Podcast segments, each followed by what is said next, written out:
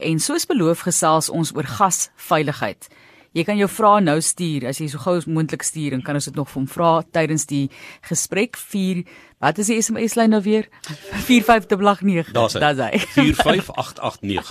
is rand 50 per SMS. Roy Libbe is die voorsitter van beide die Suider-Afrikaanse Gasvereniging.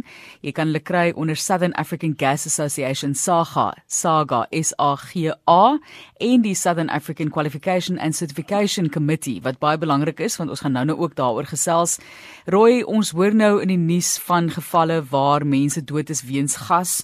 Ek weet daar was 'n groot familietragedie waar gas ontplof het. In die geval wat ons nou na verwys, het mense op ander maniere dood gegaan van gas, gasinasemming. Ons praat ook van die feit dat daar op die ou end 'n uh, reuk gegee word aan gas sodat mense weet as daar 'n lek is. Maar ons gaan dit alles bespreek. Maar is gas veilig gegee hierdie tipe van gevalle waarvan ons weet? Absoluut. Uh baie dankie vir die geleentheid en groet aan aan Johan en natuurlik aan die luisteraars dis absoluut veilig. Uh, dit is dit is geen verskil tussen elektries en en uh, son sonkrag en daai tipe dinge nie. Maar die, die ons moet altyd vra waar lê die probleme? En een probleem waar dit lê is is verkeerde toerusting. Of of verkeerd uh ehm uh, um, dit is onwettige toerusting wat nie geregistreer is nie.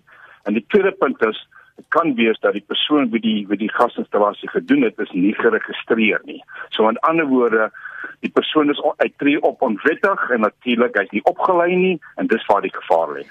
Ek wil nou vraag ook vra in terme van gebruik van gas want jy weet ek het 'n gasstoof. Nou dink jy by jouself moet jy daai gas toedraai elke aand? Is dit nodig? Want daar's byvoorbeeld in sekere huise 'n plek waar die elektrisiteit van die stoof afgesit word. Daar's 'n skakelaar. Is dit nodig om gas toe te maak wanneer jy dit nie gebruik nie? Glad nie glad nie. Dat die die veiligheidsmeganismes is is ingebou in in byvoorbeeld wat jy nou net genoem het die stoof. Net soos die geyser voorval. Al die veiligheidsmeganismes is ingebou in die toestel. So jy hoef nie eh, hulle het veiligheidskleppe, maar jy gebruik hom net in byvoorbeeld as jy vir 'n lang tyd weggaan, jy kan hom toemaak of as jy gas ry, dan kan jy ook daar toemaak. Dis nie maar jy dis dit is nie nodig dat daai klep toegemaak word nie aktief as jy as jy klaar vir 'n tyd nie. En natuurlik kyk ons ook nou na gas as 'n alternatief tot jou elektrisiteit byvoorbeeld en daardie prysverhogings wat voorlê, dit is goedkoper. Hoe pas dit in in Suid-Afrika se energiegebruik? Kyk, kyk die gas, die gas wat baie mense van praat, kom ons moet maar nou silindergas, die LPG gas of die vloeibare petroleumgas. Dit is al lank al met ons vir jare en daar's 'n 'n goeie uh, veiligheidsrekord. Uh, ek glo altyd ek sê altyd vir kliënte jy kyk na uh, energiemengsel. Ek dink dis waar dit lê. Met die huidige probleem van Eskom, uh soos ons almal weet, pas gas en sonkrag baie baie mooi in en is baie kompeterend prysgewys. So ek sê weer energiemengsel is baie belangrik vandag en dit kan ook ekonomies wees vir die verbruiker. Jy sê baie kompeterend nou gas word op verskillende maniere gebruik, byvoorbeeld vir kook of as jy nou 'n plaat of 'n eierbak of wat ook al, dan is dit kitsenergie uh, wat vrygestel word. Ehm um, vat nie so lank om aan te skakel en Correct. ja, jy weet uh, om daai proses deur te gaan nie en ook met gasstorte is dit ehm um, dieselfde proses wat gevolg word. Is dit waar die besparing eintlik inkom? Absoluut. Absoluut. Hy hy hy jy jy jy het hom reg gesê Johan, jy sit hom aan, hy vinnig weet is daai is doeltreffend, hy's effektief en en dit is baie goed, baie gesond vir vir vir kook. So baie elektriese stowe uh of uh, plate nou langer vat om warm te word ensovoorts. Is dit te vermorsend vir my in terme van energie. 'n Gas is vinnig en goedkoop. Die toeganklikheid van gas, is dit Dink jy goed deur die land dat mense gas wyd versprei kan gebruik en dat dit beskikbaar is in silindervorm? Absoluut.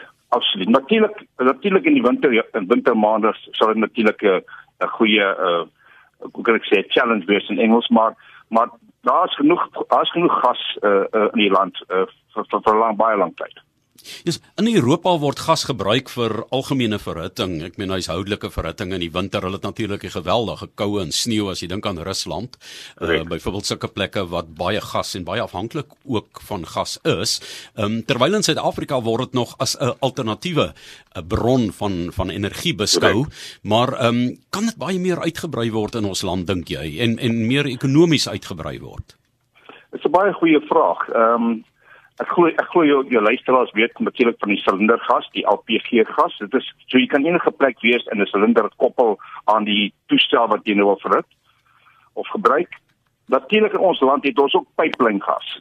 En dit is nou die aardgas of natural gas, maar die aardgas wat vanaf Mosambiek kom en uh via pipeline onder verskillende druk gaan dit gaan dit natuurlik na die residensiële kant soos huise en en restaurante of dit gaan ook na kommersie uh, ja, kommersieel en dan gaan dit ook na natuurlik na industrie. So ons het pipeline gas ook in die land en dit dit uh, dek nou natuurlik Middelburg, Witbank, uh Richards Bay, die Natalkus, natuurlik Pretoria, uh Noord, tipe ding uit so groot fabrieke wat natuurlik dit wil hê as 'n as 'n vervaardigings deel van die vervaardigingsproses. So dit, dit is dit is uh, volop oral, maar natuurlik is daar nuwe ontwikkelinge in die land en, en wêreldwyd eintlik en dit is nou die LNG, die liquefied natural gas ja. of of vloeibare petroleumgas wat wat nou wat nou uh, soos by in in die noorde van Mosambiek en natuurlik wêreldwyd en nou met met sy aanspraak maak en dit is dit is 'n bietjie die toekoms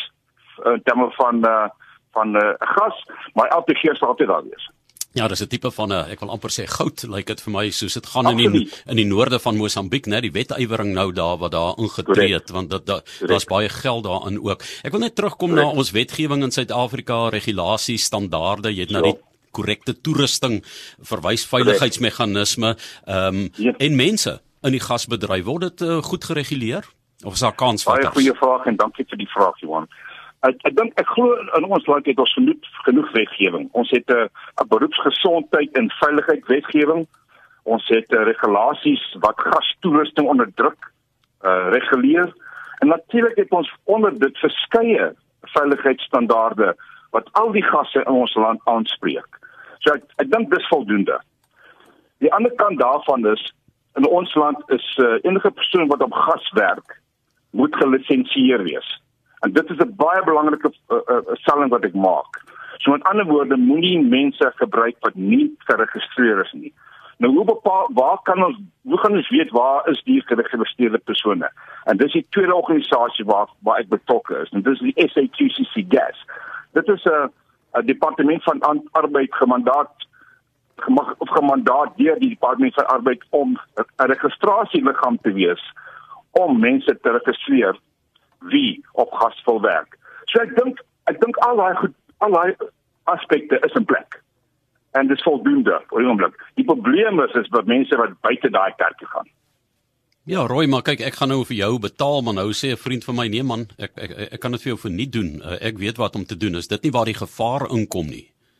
Dit is absoluut die gevaar, Johan. Dit is absoluut die gevaar en verkeerd, dis onwettig, mag nie gebeur nie.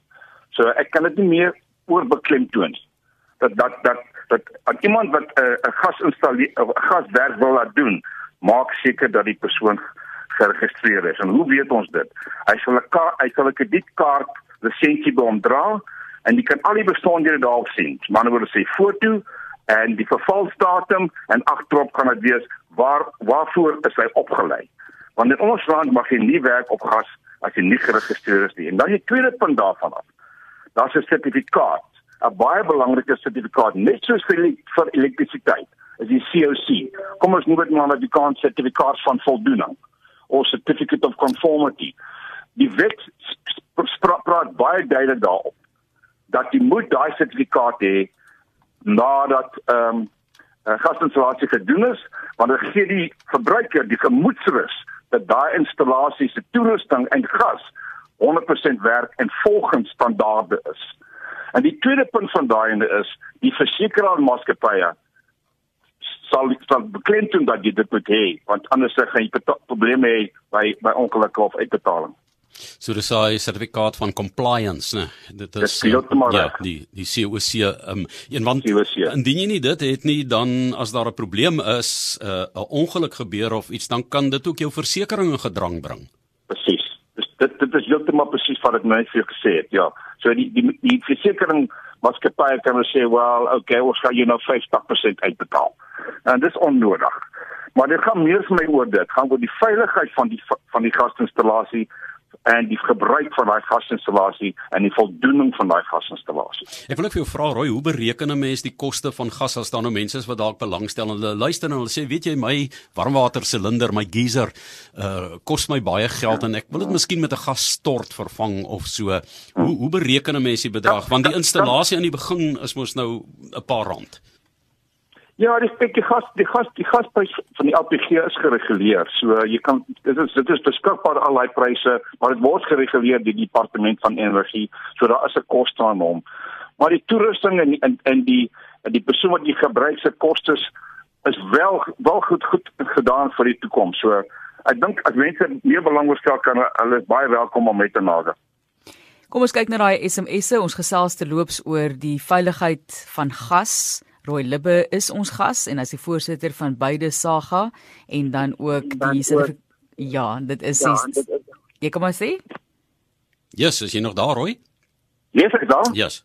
Goed, en ook die die Die ander een is die SAQCC gas. Dit is die dit is Southern African Qualification and Certifications Committee. Dit is die registrasieliggaam van Dis korrek. Ja.